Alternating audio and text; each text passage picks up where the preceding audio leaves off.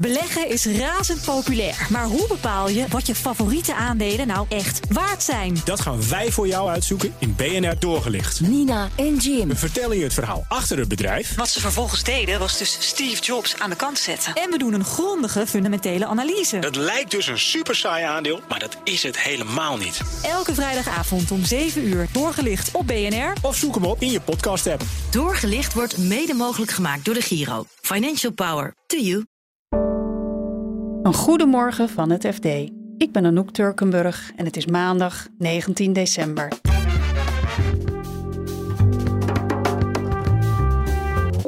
ING gaat op vrijdagen de kantoordeuren sluiten. Dat hebben ze helemaal uitgerekend, hoeveel uh, energie ze daarmee kunnen besparen. Want het gaat om 80.000 vierkante meter uh, kantoorruimte die dan niet verlicht of verwarmd hoeft te worden.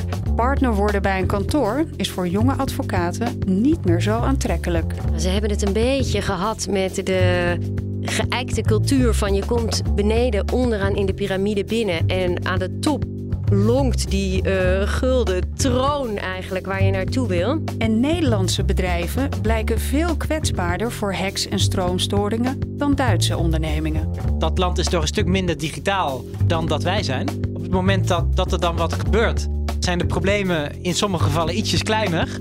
Uh, om, omdat je vaak nog een, uh, ja, een analoog systeem ernaast hebt lopen. Dit is de dagkoers van het FD. Nederland is een stuk digitaler dan onze buurlanden. Maar dat is niet per se een voordeel. Tech-redacteur Stijn van Gils vertelt waarom Nederlandse bedrijven kwetsbaarder zijn voor hacks en storingen. Eigenlijk omdat ze heel goed gedigitaliseerd zijn. En dat hebben ze heel snel gedaan. Uh, en ze zijn daarmee heel afhankelijk geworden van, uh, uh, ja, van die digitalisering. En hebben daar soms onvoldoende rekening mee gehouden. Ja, wat, wat te doen op het moment dat het helemaal uitvalt. En landen die wat minder ver gedigitaliseerd zijn, uh, die hebben simpelweg dat probleem niet, want die zijn wat minder ver gedigitaliseerd. En welke landen doen het dan beter? Ja, het is een beetje de vraag in hoeverre je, dat je dat echt beter moet noemen. Maar uh, Duitsland bijvoorbeeld. Dat land is toch een stuk minder digitaal dan dat wij zijn. Op het moment dat er dan wat gebeurt, dan zijn de problemen in sommige gevallen ietsjes kleiner omdat je vaak nog een, uh, ja, een analoog systeem ernaast hebt lopen. Bijvoorbeeld nog, uh, nog het een en ander op papier registreert. Of uh, dat je een machine hebt die ook nog met de hand bediend kan worden. en dat is in zo'n geval natuurlijk wel heel prettig. Gaat het nu in de praktijk al mis? Ja, je, je, je ziet wel op sommige plekken dat het misgaat. bijvoorbeeld een, een, supermarkt. Dat is bij verschillende supermarkten wel gebeurd. Die uh, een, een, storing in een IT-systeem hebben, uh, waardoor ineens heel die supermarkt niet meer functioneert, want er is niet echt een backup meer. Uh, maar ook de NS heeft dit jaar een, grote storing gehad. en ehm, dat had te maken met het, het, het, roosterprogramma, wat niet, niet functioneerde. en daardoor konden er helemaal geen treinen meer rijden, want nie, niemand wist nog waar iedereen was en waar alle treinen waren. En, en dat was in het verleden makkelijker geweest. En wat nu? Moeten we massaal terug naar het analoge tijdperk? Nou, ik, ik denk dat in, in 9 van de 10 sectoren dat dat helemaal niet, uh, niet kan. Dan, dan prijs je jezelf onmiddellijk uit de markt. Want juist ook door het digitaliseren is het uh, heel veel efficiënter geworden. Maar je zou soms wel misschien meer na kunnen denken over wat, uh, ja, wat doe je op het moment dat het helemaal wegvalt. en dat kan betekenen dat je soms teruggaat naar iets analoogs. bijvoorbeeld dat een, een sluis ook met de hand nog te bedienen is. Maar je kunt ook denken aan, aan ja, toch op een andere manier digitale middelen.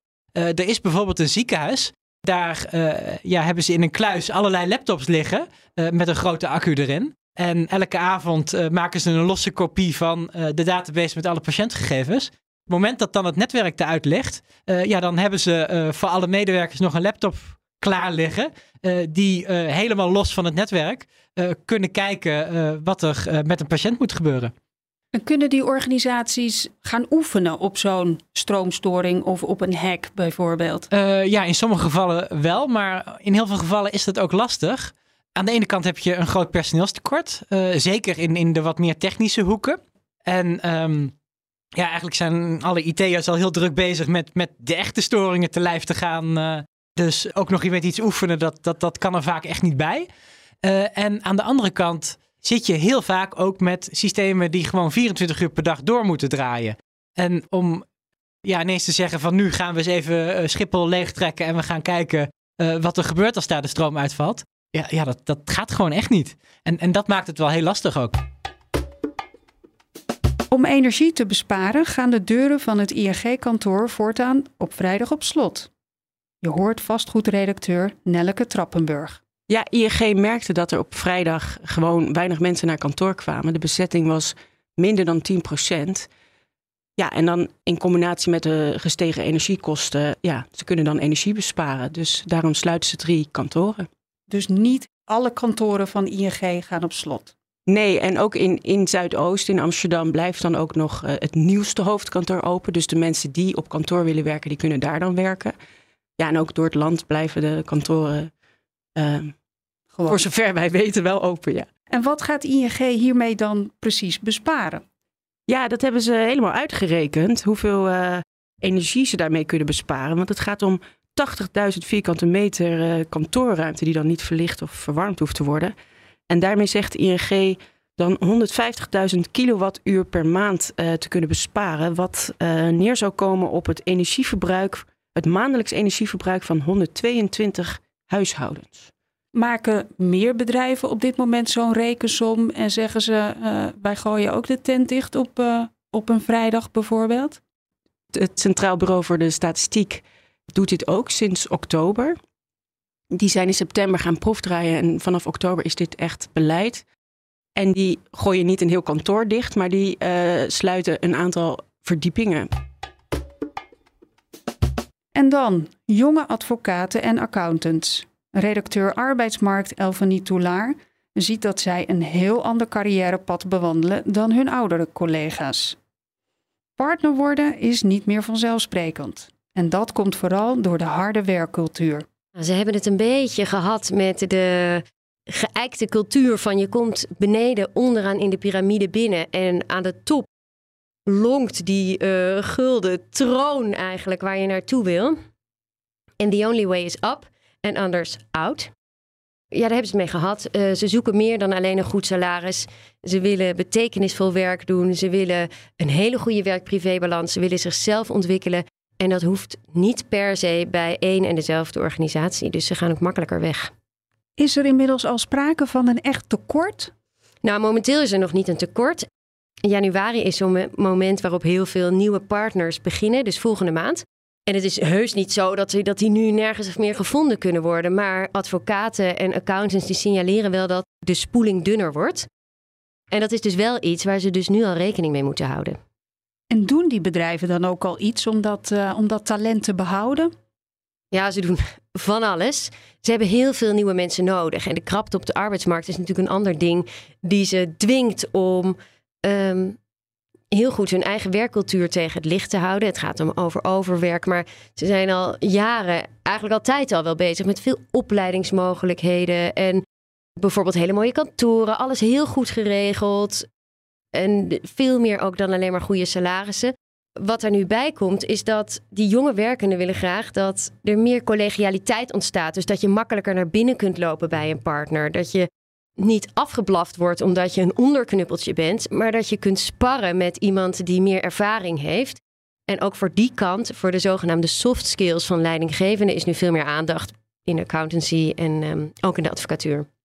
Die beweging van, van jonge advocaten en accountants kan dus wel echt verandering teweeg brengen. Maar hoe kijken die, uh, die oudere partners daar dan naar?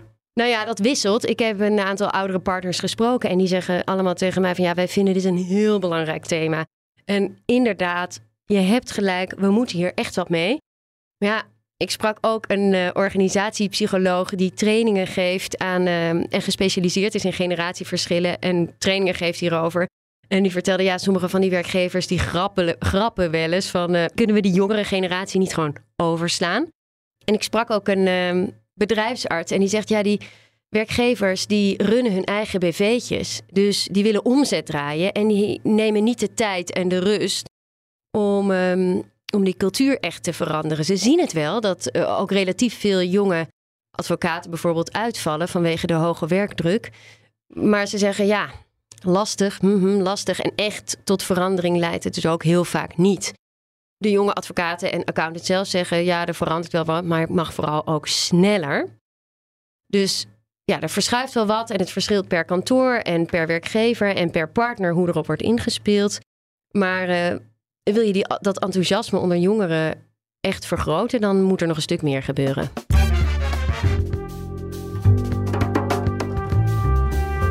Dit was de dagkoers van het FD. Morgen staat er weer een nieuwe aflevering voor je klaar. In de tussentijd lees je het laatste financieel-economisch nieuws op fd.nl. Een fijne dag en tot morgen. Beleggen is razend populair, maar hoe bepaal je wat je favoriete aandelen nou echt waard zijn? Dat gaan wij voor jou uitzoeken in BNR Doorgelicht. Nina en Jim. We vertellen je het verhaal achter het bedrijf. Wat ze vervolgens deden was dus Steve Jobs aan de kant zetten. En we doen een grondige fundamentele analyse. Het lijkt dus een super saai aandeel, maar dat is het helemaal niet. Elke vrijdagavond om 7 uur doorgelicht op BNR. Of zoek hem op in je podcast app. Doorgelicht wordt mede mogelijk gemaakt door de Giro. Financial Power. To you.